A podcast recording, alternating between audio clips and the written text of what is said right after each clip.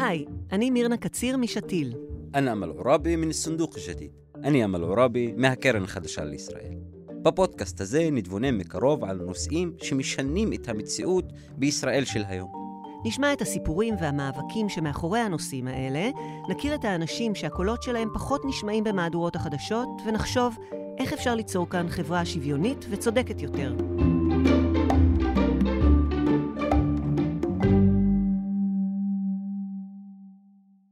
יש מילה אחת שאסור לומר בישראל של שנת 2022, כיבוש.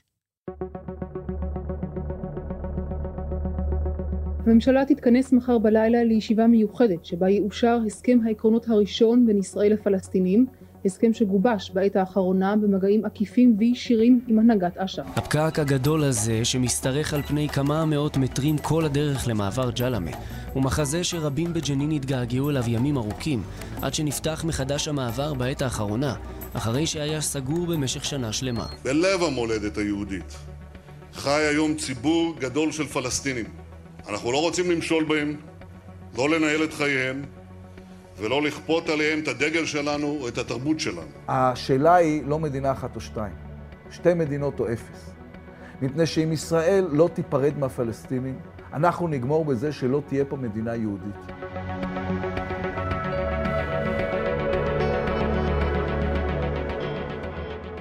שלום, אני מירנה, ובפרק הזה נדבר לעומק על המשטר הצבאי שמפעילה ישראל בשטחי הגדה המערבית.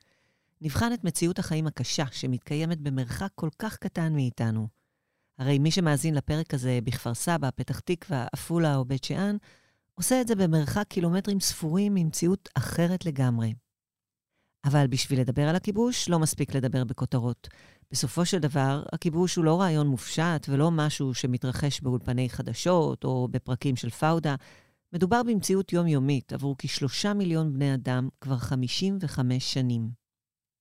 אז בפרק הזה ננסה להבין איך נראית המציאות הזאת ואיזה דרכים אפשריות כדי לשנות אותה. נשמע את הסיפורים של יובל, עיתונאי ישראלי, אסף, פעיל חברתי שגדל בהתנחלות, ועוד חוואטלין, מורה לאנגלית ופעיל זכויות אדם מהכפר אום אל-חיר בדרום הר חברון. אנחנו לא יכולים לקבל מספיק מים. אנחנו לא יכולים לקבל מספיק מים בכלל. כל מה שאנחנו יכולים לקבל זה רק שבע שעות בשבוע. ועל זה אני ממש מרגיש כעס כל הזמן. שבע שעות בשבוע, וכל שבע השעות רק ביום רביעי בערב. ביום רביעי בערב פותחים את המים ויש מים. יש לנו רק מכלים קטנים למילוי מים. לא מאשרים לנו לחפור באר כדי לאגור את המים. פעם, כשניסינו לחפור באר, עצרו אותנו, החרימו את הכלים שלנו, ונדרשנו לשלם קנס. אז הבעיה היא שכל השבע שעות השבועיות ניתנות פעם אחת בשבוע.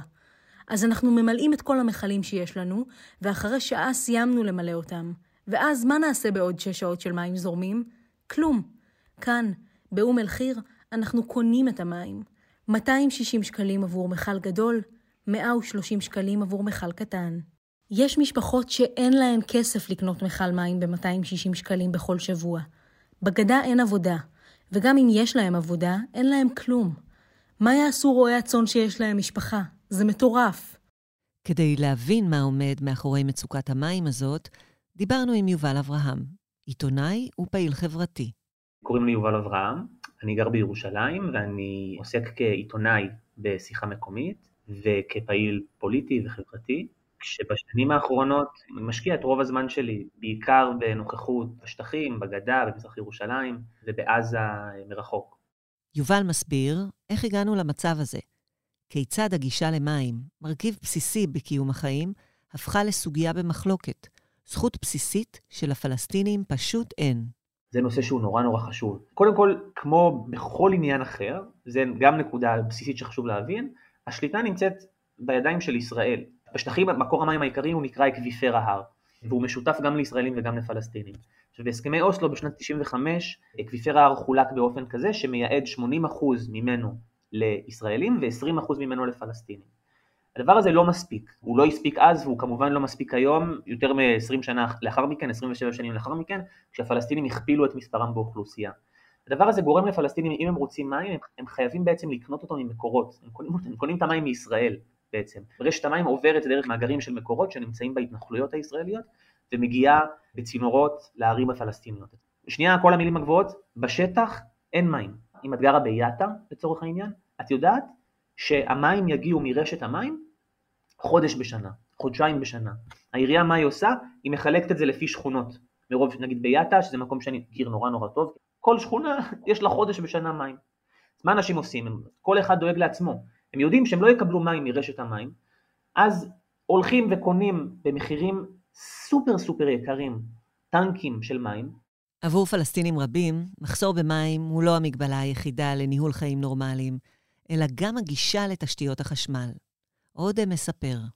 About the electricity, Umm al-Khair is like surrounded by the settlement from three sides. בעניין החשמל, אום אל-חיר מוקפת משלושה כיוונים בהתנחלויות. ובכיוון הרביעי, הם הציבו את לולי התרנגולות שלהם. אז דמייני את זה, זה ממש קשה מה שקורה. החשמל עובר מההתנחלויות ללולי התרנגולות דרך הכפר שלנו. זה עובר ממש צמוד לבתים שלנו, מעל הראש שלנו. אז לתרנגולות יש חשמל 24 שעות ביממה. ובנוסף, יש גנרטורים גדולים למקרה חירום. והאנשים שכאן, אסור להם לקבל חשמל. אנחנו מבקשים מהם כל הזמן. זה לא פייר, אנחנו צריכים חשמל. כל מה שיש לנו זה רק פאנלים סולאריים. פאנלים סולאריים זה טוב. זה אחד מהפרויקטים הכי טובים שיש לנו מאז 2010, אבל זה לא מספיק. פאנלים סולאריים תלויים בשמש, ויש סוללות שצריך לטעון. בחורף אנחנו סובלים מאוד. לכל משפחה יש מכסה מוגבלת של קילוואט חשמל. גם למשפחה שלי, אני, אשתי והתינוק שלנו. אנחנו לא יכולים להשתמש במקרר ובמכונת הכביסה באותו היום, כי זה אומר שעד שעה 12 בצהריים ייגמר לנו החשמל. זה ממש קשה, ממש קשה. למשל בקיץ, אין לנו מיזוג אוויר. יש לנו מאווררים, וצריך להיזהר מאוד, כי זה מספיק לשעתיים-שלוש של מאוורר ביום. לפעמים זה מאוד חם בלילה, במיוחד בקיץ, ואז נגמר לך החשמל. אחד הרגעים הקשים שלי היו כשהתינוק שלי היה בן שלושה או ארבעה חודשים, והיה מאוד חם בלילה, ונגמר לנו החשמל. בלילה הזה, למרות שההורים שלו התלוננו מה יהיה איתו, לקחנו אותו ויצאנו לישון בחוץ. במדינת ישראל של היום קשה לדמיין חיים ללא גישה לחשמל ולמים, אבל בזה לא מסתכמות המגבלות על חייהם של תושבי הגדה. סוגיה נוספת שפוגעת בצורה ניכרת בשגרת החיים של הפלסטינים היא מיזמי התשתיות, הבנייה והכבישים שמובילה מדינת ישראל בשטחי הגדה. יובל מסביר. היום בגדה יש מיליון פרויקטים של תשתיות, המון המון המון, זה בנייה חסרת תקדים שהתחילה בתקופה של בצלאל סמוטריץ' כשר התחבורה, מרב מיכאלי המשיכה את זה, למרות שהיא מפלגת העבודה, דברים נמשכו, אין ספור פרויקטים של תשתית, הפרויקט הכי גדול זה פרויקט שנקרא כביש הריבונות, זה כביש שסוללים לפלסטינים דווקא, שהמטרה שלו היא לייצר להם איזושהי מין אלטרנטיבה סופר סופר עקומה כזאת ומפותלת, כדי שהם יוכלו לנוע בין דרום הגדה לצפון הגדה, בלי לנסוע על כביש אחת. אתם מכירים את כביש אחת, נכון? שחלק שלו מירושלים מגיע בסופו של דבר למעלה אדומים ולים המלח.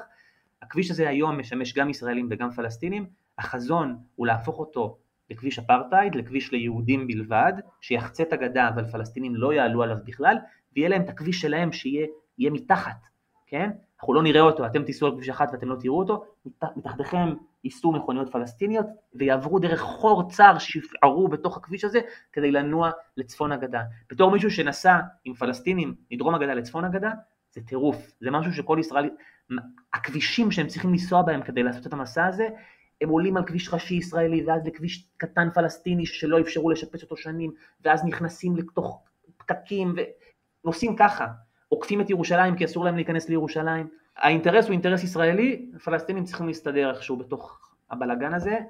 וכך, מדינת ישראל משקיעה מאמץ רב ביצירת דרכים ותשתיות עבור התושבים היהודים בלבד, והפלסטינים, שיסתדרו. יובל מסביר שדווקא סוגיות כאלה, כמו אי שוויון במים, חשמל, תשתיות, יכולות להמחיש את המשמעות האמיתית של חיים תחת משטר צבאי. אני חושב שרוב בני האדם, הדבר הראשוני שמעסיק אותם זה היכולת להתפרנס, את היכולת לממן אה, את הלימודים של הילד שלך או פשוט להביא אוכל הביתה, זה די בסיסי, זאת אומרת לפני שחושבים על הנושא הפוליטי, יש את הפירמידה של מאסלו שהרבה ישראלים מכירים, נכון? לפני שחושבים על, על נושאים של עצמאות ואפילו של כבוד וריבונות, אנשים רוצים להתקיים ולחיות. יובל אומר שמרכיב נוסף של החיים בגדה גובה מחירים קשים מהפלסטינים, וזה מערכת האכיפה והחוק. העובדה שהם חיים תחת חוק שהם אינם מנסחים בעצמם, ועליו הם גם לא יכולים להשפיע. המשמעות של לחיות תחת כיבוש זה שיש איזה מין אח גדול כזה, או יד ששולטת עליך מלמעלה, של אנשים שלא רוצים בטובתך, הם לא בני העם שלך, יש להם אינטרס שהוא מנוגד לאינטרס שלך, כי הם רוצים לייצר מערך של התנחלות ולשנות את הדמוגרפיה של האזור וכן הלאה. אנשים שלא רואים אותך, כן? לא רואים אותך כ- כאדם, כאזרח שהוא, שהוא כמוהם, והם מקבלים את ההחלטות. זאת אומרת, אתה לא יושב בחדרים שבהם מתקבלות ההחלטות הרלוונטיות לחיים שלך. על הפלסטינים בגדה המערבית חל החוק הצבאי הישראלי. זהו אוסף של תקנות, צווים והוראות שצה"ל ניסח על מנת למשול בצורה אפקטיבית על האוכלוסייה המקומית. הצווים אחראים בין היתר על הענקה ושלילה של היתרי כניסה לישראל לשם עבודה, טיפול רפואי או יציאה לחו"ל, וכן על ייצוא ויבוא של סחורות ומוצרי מזון, הקצאת משאבי טבע, ותכנון ובנייה של תשתיות אזרחיות ועוד ועוד. הם משפיעים על נדבכים רבים בחיי היומיום של האוכלוסייה הפלסטינית ומעצבים אותם, והם חלים רק על הפלסטינים ולא על היהודים שגרים בשכנות אליהם. הפלסטינים שחיים בגדה המערבית, שלושה מיליון בני אדם, הם חיים תחת חוק צבאי. כלומר, החוקים שתקפים עליהם הם צווים צבאיים. עכשיו, מערכת החוק הצבאית היא מערכת סופר סופר נוקשת. זה אומר שפלסטיני שעושה עבירת תנועה בגדה, אם הוא נוסע מהר מדי, מי שישפוט אותו, בסופו של דבר, יישב באולם של צבא, יהיה חייל שלובש מדי הצבא. זה אומר שילד פלסטיני בן 12, אם, אם הוא זורק אבנים נגיד על ג'יפ של חייל, אפשר להכניס אותו לכלא. החוק הצבאי מאפשר להכניס ילד בן 12 ובן 13, כלומר בכיתה ו' ובכיתה ז', עד לחצי שנה בכלא. החוק הישראלי האזרחי לא מאפשר דבר כזה. ילד מתחת לגיל 14 לא יכול לשבת בכלא, בהגדרה בחוק. הפלסטינים לא חיים לבדם בגדה המערבית. הם נמצאים בשכנות למאות התנחלויות ישראליות. יישובים שבהם חיים ישראלים והוקמו בניגוד לחוק הבינלאומי, חלקם גם בניגוד לחוק הישראלי. אולם בניגוד לשכניהם הפלסטינים, הישראלים שחיים בגדה אינם כפופים לחוק הצבאי. עליהם חל חוק אחר לגמרי. אולי אתם מכירים אותו, החוק הישראלי. עכשיו יש מצב שהוא עוד יותר הזוי, שבאותו תא שטח, יישוב ליד יישוב, באותם כבישים, חיות שתי קבוצות של אוכלוסייה. יש שם חצי מיליון ישראלים, מתנחלים, כן? שעליהם חל החוק הישראלי, החוק האזרחי, ומיליוני פלסטינים שחל עליהם חוק אחר. זאת תופעה שקורית שוב ושוב. יש חיכוכים בין ישראלים לפלסטינים בשטחים האלו, חיכוכים בעיקר נובעים מהניסיונות של מתנחלים להשתלט על אדמה, וזה מייצר חיכוך ואלימות, אלימות הדדית לפעמים, זריקות אבנים וכן הלאה, וכשקורה אירוע כזה, שקורה באותו מקום, מערכת החוק שופט אותו בצורה אחרת לגמרי. לפלסטיני יגיעו בלילה, כי הצו הצבאי מאפשר לעשות לו חיפוש בבית בלי לקבל אישור של שופט.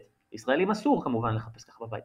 אז את הפלסטיני ייקחו מהבית בלילה, ישימו אותו במעצר עד תום ההליכים, בבית משפט צבאי, בכלא, וישפטו אותו על פי אמות מידה מאוד מאוד חמורות, כשהבן אדם שהוא רב איתו, אותו בן אדם שהם חיים ביחד באותו מקום, נשפט בצורה אחרת לגמרי, הוא בכלל ילך לבית משפט בירושלים, אם בכלל מישהו יגיע ויעצור אותו. זה לא אכיפה, הרבה פעמים אומרים אכיפה בררנית, כאילו שזה איזושהי טעות של נגיד החייל בשטח נגיד פעל באופן בררני ומפלה, או המשטרה פעלה באופן בררני ומפלה. גם הדברים האלו קורים ואי אפשר לדבר עליהם, אבל האפליה היא נמצאת בהגדרה, היא נמצאת בעצם העובדה שיש כאן שתי מערכות שונות, וזאת אגב גם ההגדרה של אפרטהייד, כן? לא, לא כקללה, אלא שני אנשים ששופטים אותם על פי אמות מידה שונות, ויש להם מערכות נפרדות ולא... יובל אברהם אומר שהבעיה במצב החוקי המעוות היא לא רק במשפט, אלא גם באכיפה ובהרתעה, ויותר מכל, בידיעה שחייך תלויים בכל רגע ורגע בידי חיילים. לדבר הזה יש המון המון השלכות על החיים, על היום-יום. קודם כל זה אומר שאת חיה במתח כל הזמן, כי כשאת יוצאת מהיישוב שלך בבוקר, יכול להיות שם מחסום של חיילים, של חבר'ה בני 19, ואת לא יודעת מה יקרה, את לא יודעת אם הם יעקבו אותך, את לא יודעת אם הם יירו בך, כן, אם יהרגו את הילד שלך, וזה לא, זה נשמע עכשיו נגיד בית הורים, וואי, מה, הוא מדבר וזה, לא, כאילו בבית עומר לפני כמה חודשים, משפחה עם ילד בן 12, מוחמד עלמי, חיילים הקימו מחסום כזה בכניסה ליישוב שלהם, אבא נסע, הם נסו לקנות עוגיות לסבתא, נסע, ראו את המחסום, אבא הסתובב לפני המחסום, חיילים ירו פה. צבא אמר ירי לא מכוון. זה קורה המון, ואם זה לא ירי קטלני, אז זה עיכובים, זה ירי לא קטלני, זה פגיעה ברכוש, זאת אומרת, המפגש עם חיילים, וזה משהו שאני הבנתי בתור ישראלי ויהודי, שאת יודעת, שכאילו כל המשפחה שלי בצבא ואח שלי וזה, ההבנה הזאת של הפחד, שחיילים הם מפחידים, שהנוכחות של הצבא, של אנשים חמושים סביבך כל הזמן, זה משהו שהוא באמת מעורר אימה, וזה דבר שהבנתי פשוט מתוך זה שעמדתי עם הפלסטינים. נסיעות משותפות עם חברים פלסטינים שלי לצורך העניין בגדה, שאנחנו חולפים על פני מחסום צבאי, שחיילים עוצרים אותנו, ואני קולט שהקול שלי רועד, כי וואלה, זה מפחיד, לא דוברים את השפה שלך. כל העניין של תקשורת, של היכולת לתקשר, הוא סופר, תחשבי, צד אחד דובר ערבית, צד שני דובר עברית, יש נשק מעורב, יש מטענים של שנים של סכסוך. ברור שזה יוצר אלימות, זה יוצר אלימות כל הזמן. הגדה המערבית הפכה לסיר לחץ, ומציאות החיים למאוד נפיצה. פעם בכמה ימים, שבועות או חודשים, אנחנו רואים התפרצות של אלימות טרגית ומזעזעת. מצד פלסטינים כנגד צה"ל ואזרחי ישראל, ומצד צה"ל כלפי פלסטינים. בד בבד, הולכים וגוברים מעשי אלימות של מתנחלים כנגד פלסטינים, תופעה שמטילה אימה על אלפי פלסטינים. אלימות מתנחלים זה נושא מאוד מאוד חשוב. זאת תופעה רווחת בשטחים, יש משהו כמו 700 מקרים בשנה, כלומר בערך שני מקרים ביום בממוצע. לאלימות מתנחלים יש שתי סיבות עיקריות, כמו שאני רואה אותה. סיבה אחת היא פעולות נקם. אם קורה פיגוע בתוך ישראל, יש מתיחות בין יהודים לערבים, לא משנה מה, יש אזורים מסוימים בגדה המערבית, כמו יצהר והמאחזים שלה, כמו חוות מעון וכן הלאה, שפשוט ירדו מעין מיליציות כאלו של חבר'ה צעירים רעולי פנים, שנכנסים לכפר עם אבנים, עם אלות, ופשוט תוקפים בתים, רוגמים. אני באופן אישי יכול לספר על מקרה אחד בכפר קריות שקרה לפני כמה חודשים, סופר מזעזע, שנכנסו 20-30 רעולי פנים לבית של סבא וסבתא שגרים בקצה הכפר, את הסבתא ריססו בגז פלפל והיא נשכבה, את הגבר שקם מהחדר שינה פשוט פירקו במכות עם אלות, הרסו אותו, הרסו לו את הפנים, כולו דימם לגמרי, אני ביקרתי אותם לאחר מכן וגם חודשיים לאחר מכן, הם פשוט היו בטראומה, הם שניהם גרים לבד, הנכדים שלהם במקומות אחרים, ממש בפחד, הסבתא אמרה לי שהיא לא יוצאת מהבית, שהיא יוצאת והיא מהר מהר נולדת את הבית ומהר מהר חוזרת, היום קיבלתי הודעה בטלפון, זה נושא שכל כך כאב לי, קיבלתי הודעה בטלפון מהפרקליטות שהם סגרו את התיק. לא עצרו אף אחד, המשטרה לא הצליחה למצוא חשודים, כלום, אף אחד לא שילם מחיר. אני חותם לך שאותם אנשים שעשו את זה, שהגיעו מהמאחזים בסביבה, אש קודש וכן הלאה, עשו את זה אחר כך שוב, הם גם יעשו את זה שוב, כי יש להם חסינות בפני החוק. הנתונים של הארגון יש דין מראים שב-98.7% מהמקרים המשטרה סוגרת את התיק. כמו שקרה במקרה הזה, במקרים של, של פגיעה של אלימות מתנחלים. לפלסטינים שמותקפים על ידי מתנחלים, אין למי לפנות. לרשות הפלסטינית אין סמכות לפעול אל מול אזרחים ישראלים, ואילו המשטרה וצה"ל מגלגלים את האחריות מאחד לשני. המשטרה אומרת, אנחנו לא הריבון ביהודה ושומרון, אלא צה"ל. צה"ל אומר שזה לא תפקידו לעצור אזרחים. וכך, כשאף אחד מהגופים אינו לוקח אחריות, נוצר מעין מערב פרוע, שלתוכו נמזגת אלימות חסרת רסן באין מפריע. בסופו של דבר יוצא שכשפלסטיני מותקף, הוא נותר חסר אונים ללא הגנה. אותו חוסר הגנה בא לידי ביטוי גם בתהליכים ארוכי טווח של דחיקת הפלסטינים מאזורים כפריים אל תוך ערים או כפרים גדולים. המציאות בשטח משתנה כל הזמן. לזה אחראים גם מתנחלים, שיש להם תפיסת עולם שהשטח הוא של המדינה היהודית, כן, ושצריך לגאול את הקרקעות ולתפוס כמה שיותר שטח.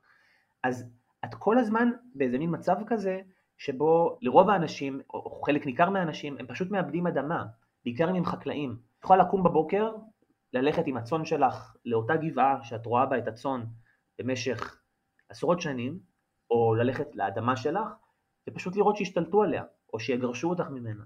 וגם זה קורה היום באין ספור נקודות, מדרום הגדה, מדרום הר חברון ועד ג'נין.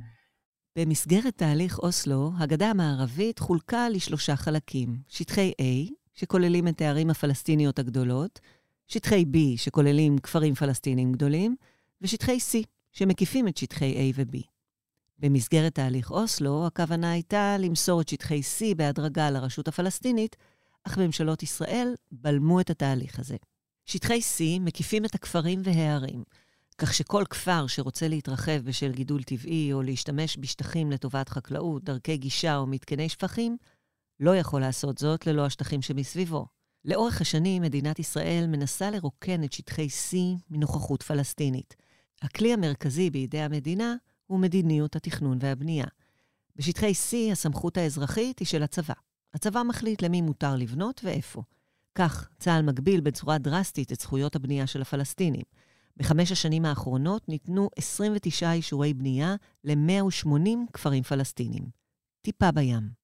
לכאורה, בשטחי A ו-B קיים ממשל עצמי חלקי של הפלסטינים, הרשות הפלסטינית.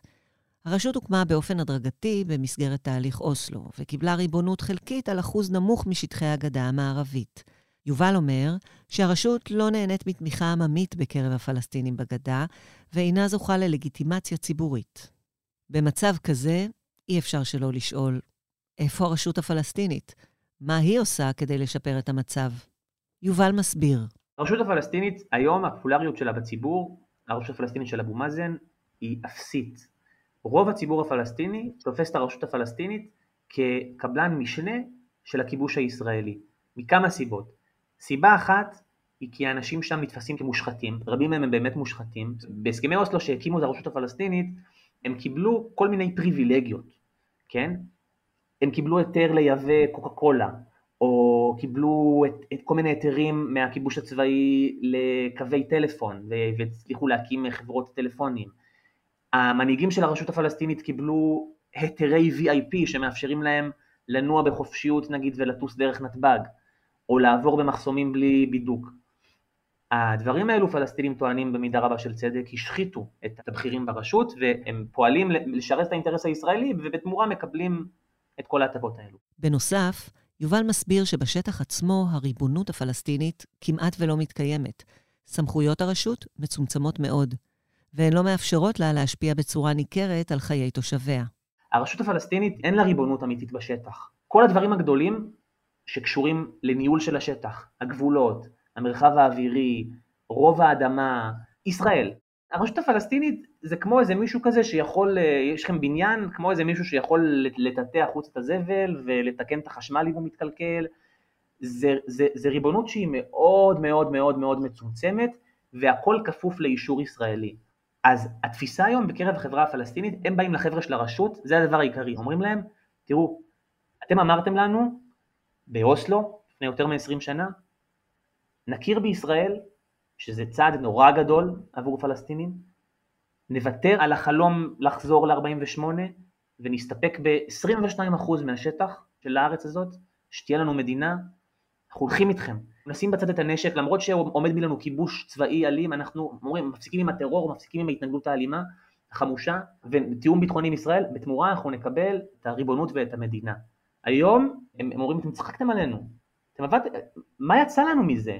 ההתנחלויות הוכפלו, מספר המתנחלים הוכפל, כל הגדה המערבית מלאה במאחזים, הגדה מופרדת מירושלים, כמו שאמרנו, שמופרדת מעזה שנמצאת תחת סגר. המנהיגים הישראלים אומרים, לפיד אפילו היום, הוא אומר, אנחנו לא נחלק את ירושלים ובקעת הירדן זה הגבול הביטחוני של ישראל. בנט בכלל אומר, אין, כל, כל רגב של אדמה הוא שלנו. מצד הפלסטינים, אמירות כאלה והמציאות בשטח מראות שהוויתורים שעשו בהסכם אוסלו לא הוכיחו את עצמם. ומה קורה בציבור הישראלי? בעיקר אדישות. הציבור הישראלי מצידו הפסיק להתעניין במה שקורה בגדה, וממשלות ישראל כבר למעלה מעשור לא יוזמות תהליך מדיני משמעותי. למרות זאת, ישנם ארגונים ופעילים ישראלים שעוסקים בצמצום הפגיעה בפלסטינים, ובהעלאת המודעות למחיר שהמשך הסכסוך מביא איתו. אחד מהפעילים האלה הוא דוקטור אסף דוד. את המסע שלו ללמוד על הכיבוש הוא התחיל במקום לא שגרתי, ההתנחלות קריית ארבע. שמי אסף, אסף דוד, אני אה, דוקטור למזרח תיכון ומדע המדינה במכון ון ליר בירושלים, בפורום לחשיבה אזורית ובאוניברסיטה העברית בירושלים, במחלקה למדע המדינה. גדלתי בקריית ארבע, התנחלות שמוכרת לרבים מהשומעות והשומעים אולי, ליד אה, חברון, צמודה לחברון. התנחלות שהייתה מבין הרדיקליות, אה, לפחות בתקופה שבה בה היא הוקמה, מבין הרדיקליות בהתנחלויות היהודיות בגדה המערבית. המאורע שבעקבותיו אסף התחיל לנסות להבין את הכיבוש, היה כשנפצע באורח קשה בפיגוע התאבדות באוטובוס במהלך גל הפיגועים סביב אישור הסכמי אוסלו. שירתתי בצבא, שירתתי, חברים שלי מהישיבה התיכונית, הלכו רובם לישיבות הסדר. אני וקבוצה קטנה של אחרים הלכנו ישירות לצבא. אני התגייסתי ל-8200, ושם שירתתי לא מעט שנים בסדיר ובקבע. ובמהלכן, באוגוסט 1995 גם נפצעתי בפיגוע התאבדות של חמאס כשהייתי בדרך למשמרת בבסיס. נפצעתי קשה, הייתי מאושפז אה, לא מעט אה, זמן, כל מה שמתלווה לזה בדרך כלל, אה, ניתוחים, ביקורות, מתמשכות, וזה תהליך מאוד מאוד ארוך והתמודדות מאוד קשה, גם עם התוצאות הישירות של הטראומה וגם שנים, שנים אחר כך עם התוצאות העקיפות שלה והמשמעויות שלה, גם הבריאותיות והנפשיות. כמעט מהשלב הראשון, הדבר המרכזי שבער בי זה ההבנה דווקא. להבין למה בן אדם אה, עוטה על עצמו חגורת אה, נפץ והולך להתאבד בתוך אוטובוס מלא אזרחים. זאת הייתה המוטיבציה שלי אה, אז, וזה היה הדבר המרכזי שלא היה ברור לי, גם מתוך זה שאני לא עסקתי אף פעם כשהייתי בצבא, אף פעם לא עסקתי בנושא הפלסטיני ממש. והנושא הזה לא כך היה מוכר לי, אני גדלתי בקריית ארבע, פלסטינים אף פעם לא קראנו פלסטינים, קראנו להם ערבים. לא ידענו שום דבר מהותי, עמוק, לגבי הסכסוך, לגבי הנרטיב הפלסטיני, לגבי הדיכוי שהפלסטינים אה, חווים, לגבי מה שמניע אותם לעשות אה, דברים איומים ונוראים אה, כאלה. האלימות שלנו, שאנחנו היינו חלק ממנה כמתנחלים, ואנחנו חלק ממנה כמדינת ישראל, וגם כצבא, תמיד הייתה שקופה בעינינו, לא ראינו אותה, אני חושב שרוב עצום של היהודים הישראלים לא רואים את האלימות הזאת, היא שקופה בעיניהם, ולכן תמיד האלימות הפלסטינית נתפסת בעיניהם בתור איזשהו פרץ אמוציונלי לא ברור של מה פתאום הם, למה הם שונאים אותנו ולמה הם עושים לנו את זה וכן הלאה וכן הלאה. אסף מציף שאלה חשובה. למה אנחנו מתכוונים כשאנחנו אומרים כיבוש? כשאנחנו אומרים את זה ברחוב היהודי, בדרך כלל מתכוונים לשטחים שנכבשו ביוני 67'. אבל ברחוב הפלסטיני יש שרואים את זה אחרת. המילה כיבוש ללא ספק מתארת את מה שקורה בגדה המערבית וברצועת עזה מאז 1967. רוב האנשים שאומרים כיבוש לזה הם מתכוונים. לשליטה הצבאית הישראלית, הצבאית והאזרחית הישראלית, או לשליטה הצבאית ולהתנחלות האזרחית בחסות המדינה, בשטחים הכבושים. כשאומרים כיבוש, כשאומרים כיבוש בעולם, כשאומרים כיבוש בישראל, כשאומרים כיבוש זה מה שמתייחסים אליו בדרך כלל. אפשר להסכים שהצורה הגרוטסקית והקשה ביותר והמפרה ביותר של זכויות אדם בין הים לנהר מתרחשת באמת בהקשר הזה של כיבוש מעבר לקו הירוק.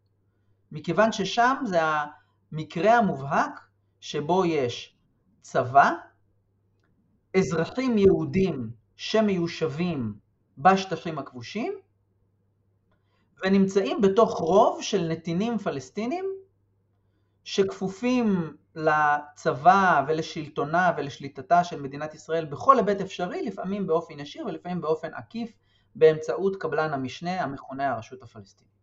זה כיבוש, והוא הצורה הגרוטסקית ביותר של הפרת זכויות אדם, של עליונות יהודית, של נישול, של דיכוי, של מדינת משטרה שישראל מקיימת מול הפלסטינים. אבל לצד זה, אפשר לומר, ושוב אני אומר, אני חוזר ל-1948, שכאשר משתמשים בשיח הערבי במילה כיבוש, או בשיח האינטלקטואלי במילה כיבוש, לפעמים יתארו את זה כסטלר קולוניאליזם, לפעמים יתארו את זה כאפרטהייד, לא מתכוונים רק ל-67, אלא מתכוונים לזה שישראל ב-1948, בכוח הזרוע, השתלטה על שטחים מעבר לאלה שיועדו לה בתוכנית החלוקה, ולא רק שהיא השתלטה עליהם וכבשה אותם, אלא שהיא גם מחקה את הנוכחות הפלסטינית, בוודאי הקולקטיבית מהם. זאת אומרת, היא לא התירה את שיבתם של רוב מוחלט של הפליטים. בין אם אנחנו הולכים אחורה לגבולות 67, לתוכנית החלוקה ב-48 או אפילו לפניה, אסף טוען שמדובר במחלוקת שהיא הרבה יותר עמוקה מאשר השליטה הישראלית הנוכחית בגדה. אני חושב שהסיפור עמוק יותר מזה. אני לא חושב גם שזאת אגב אמירה שמאלנית במיוחד. זאת אומרת, אני חושב שזאת אמירה עובדתית שמבינה והיא מקובלת בוודאי על השמאל הרדיקלי אבל גם על חלקים בימין, שההבנה שהסכסוך בין הציונות לבין התנועה הלאומית הפלסטינית הוא לא סכסוך שהתחיל ב-1967, הוא גם לא סכסוך שהתחיל ב-1948, אפשר אולי לטעון שהוא התחיל בהצהרת בלפור ב-1917, אפשר לתארך אותו אפילו מוקדם יותר מזה.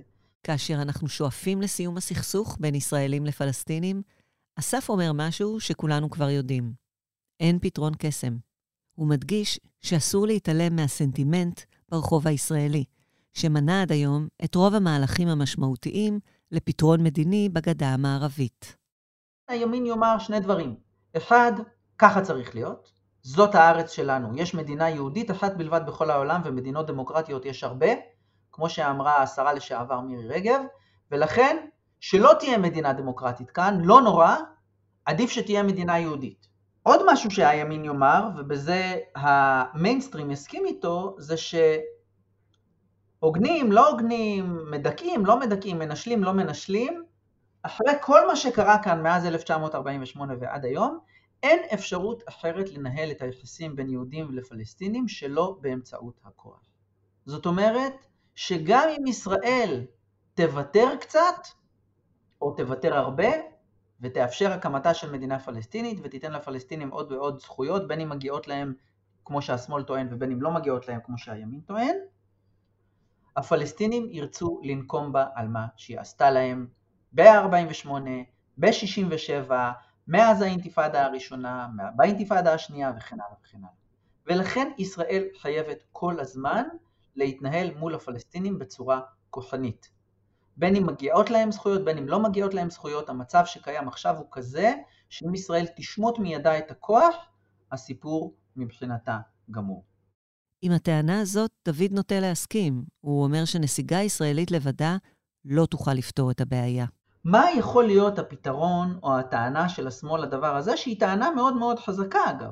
גם בן אדם שאומר, אני חושב שישראל מנהלת פה ב-48 וב-67 משטר שהוא לא הוגן כלפי הפלסטינים, לא הוגן כלפי הזכויות הלאומיות שלהם וכן הלאה וכן הלאה, מה אני יכול לעשות? כי ברגע שאתה עושה מעבר מאוד מאוד מהיר להענקת זכויות, שלא מתלווה אליו מה שנקרא Transitional Justice, זאת אומרת צדק מעברי, שלא מתלווים אליו מנגנונים של יישוב סכסוכים ושל אה, יישוב בין נרטיבים ושל הכרה של שני צדדים אחד לשני וכן הלאה וכן הלאה, אז אי אפשר לדמיין מצב שבו אתה מעביר כוח לפלסטינים והם אומרים אוקיי אני מקבל, אני מקבל את המעט שאתה מוכן לתת לי. הם לא יקבלו. הם לא יקבלו ובצדק כי יש להם תביעות ב-48, כי יש להם תביעות לשיבת הפליטים וכן הלאה וכן הלאה. מאז שנת 67, ולמעשה מאז ההגירה המסיבית של יהודים לארץ ישראל בתחילת המאה ה-20, הועלו מספר פתרונות מדיניים לסכסוך הישראלי-פלסטיני. כיום, תפוח האדמה הבוער הוא סוגיית הגדה המערבית ועזה. ובארץ ובעולם עלו מספר פתרונות אפשריים לסוגיה הזאת. גישה אחת, שצוברת פופולריות בישראל בשנים האחרונות, מכונה ניהול הסכסוך או צמצום הסכסוך. הגישה מציעה להשאיר את המצב כמו שהוא, תוך שיפור קוסמטי של מצבם הכלכלי של הפלסטינים. תומכי הגישה אומרים שהסטטוס קוו הוא הרע במיעוטו, ולכן אסור לנו להתערב בו ולהסתכן בהחרפה של הסכסוך. אלא שהמשבר ההומניטרי בגדה ובעזה רק מחריף, וסבבי הלחימה התכופים מזכירים לנו שהמצב הנוכחי אינו בר קיימא. מנגד, מוצע פתרון המדינה האחת.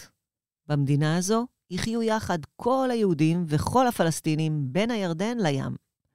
לחזון המדינה האחת יש נוסח שמאלני ונוסח ימני. בשמאל מדברים על מדינה דו-לאומית, שבה לכולם זכות הצבעה וזכויות אזרח מלאות.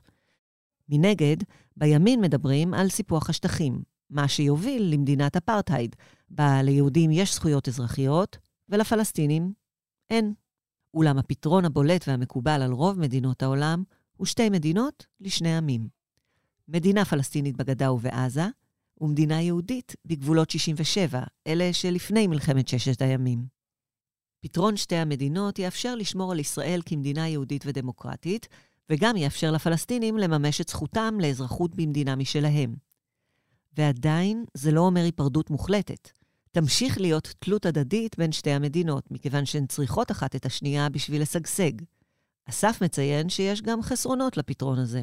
פתרון אחד יהיה לומר, כן, מדינה פלסטינית זערורית על 20 פלוס אחוז משטח פלסטין המנדטורית לא תפתור את הבעיה, בוודאי לא המדינה שנחזתה או שתוכננה באוסלו, מדינה שהיא בהרבה מובנים מנותקת מבחינה גיאוגרפית בין הגדה המערבית לבין עזה, גם אם יש או אין מסדרון, וכמובן שהיא מדינה תלותית מאוד מבחינה כלכלית, וכמובן שזאת מדינה חסרת אה, כוח וחסרת יכולת אכיפה וחסרת שליטה אמיתית על גבולותיה.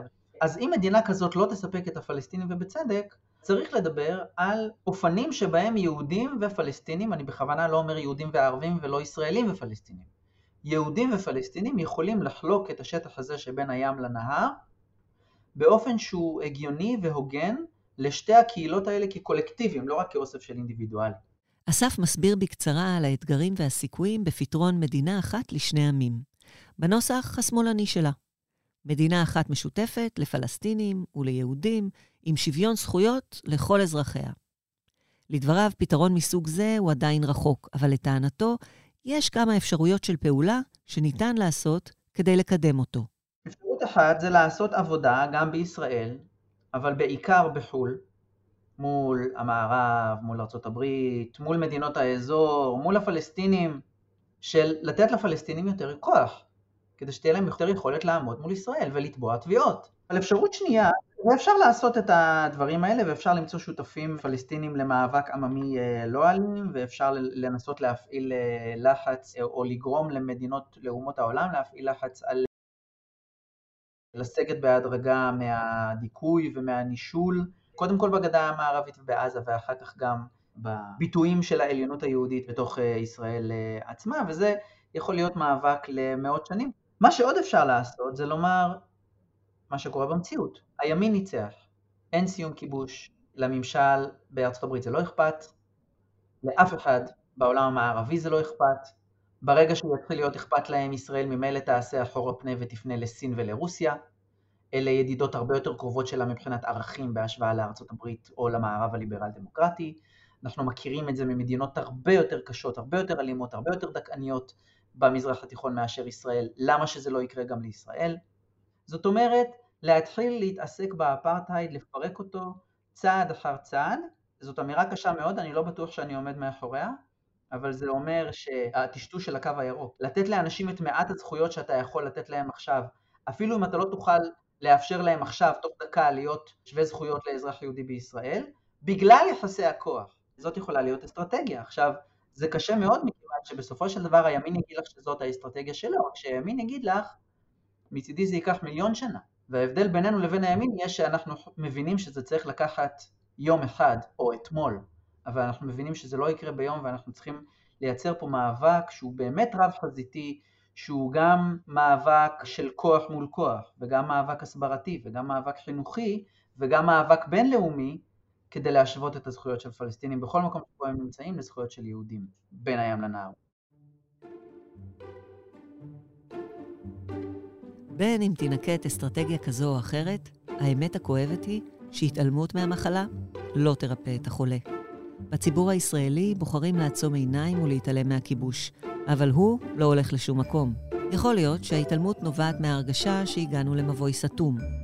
אבל הכישלון של המאמצים הקודמים לא מצדיק את ההתעלמות, ובטח לא את הכחשת הכיבוש. מציאות החיים של הפלסטינים תחת הכיבוש בגדה המערבית רק מחריפה. ואיתה גם הפגיעה בזכויות האדם שלהם. לצד זה, רצועת עזה, הנמצאת תחת מצור מעל לעשור, הפכה מזמן למקום לא ראוי למחיה של בני אדם, והמשך ההתעלמות עלול להביא לאסון הומניטרי חסר תקדים. במקביל, המציאות הישראלית רק הולכת ונהיית יותר קשה, והמחירים שאנחנו משלמים נהיים יותר ויותר כבדים, עד שכמעט התרגלנו לחיים בין סבבי לחימה והרג של חפים מפשע. לסכסוך אין פתרון קסם או מפרט טכני קבוע, מדובר בתהליך ארוך ואולי גם כואב, שכולל מאבק משותף לפירוק מנגנוני הדיכוי והשליטה וההגנה על זכויות האדם של כל מי שחי בארץ הזאת. סיום הכיבוש הוא נקודת ציון מרכזית בתהליך הזה, אבל היא רק חלק ממנו. כדי להצליח בו, אנחנו חייבים לחתור להגיע להסכמות רחבות בין הצדדים. אלה יביאו ליצירת תשתית איתנה שתאפשר לשני העמים לחיות בשלום, ביטחון וכבוד, מתוך הבנה שאף אחד לא הולך לשום מקום. ארגונים רבים בחברה האזרחית רואים בכך שליחות ופועלים לקידום פתרון לסכסוך ולסיום הכיבוש. מאקטיביזם בשטח ועד עבודה משפטית. מפעולות של סולידריות, חינוך וסיורים, ועד מאמצי לובי וקידום מדיניות. כדי לאפשר מציאות חיים טובים ונורמליים בין הירדן לים, אנחנו כולנו חייבים לנסות לשים לזה סוף. תודה שהאזנתם לפרק. אני מירנה. בצוות הפודקאסט, גלי בסודו, אסף גולדפרב והלל אסף. תודה על הסיוע בהכנת הפרקים לגלית, עידן, סלימן, מזל, חובב, ברית, לב ואלה, מצוות שתיל והקרן החדשה לישראל. תודה גם לאגם קדם לוי על התחקיר. חפשו את הפודקאסט "מה זה משנה" בכל אפליקציות ההאזנה או באתר שתיל, ותאזינו לפרקים נוספים על הדברים שבאמת משנים בישראל. וכמובן, תעקבו אחרינו ברשתות החברתיות, תירשמו לניוזלטר שלנו כדי לקבל עדכונים על מה שקורה בעולם השינוי החברתי.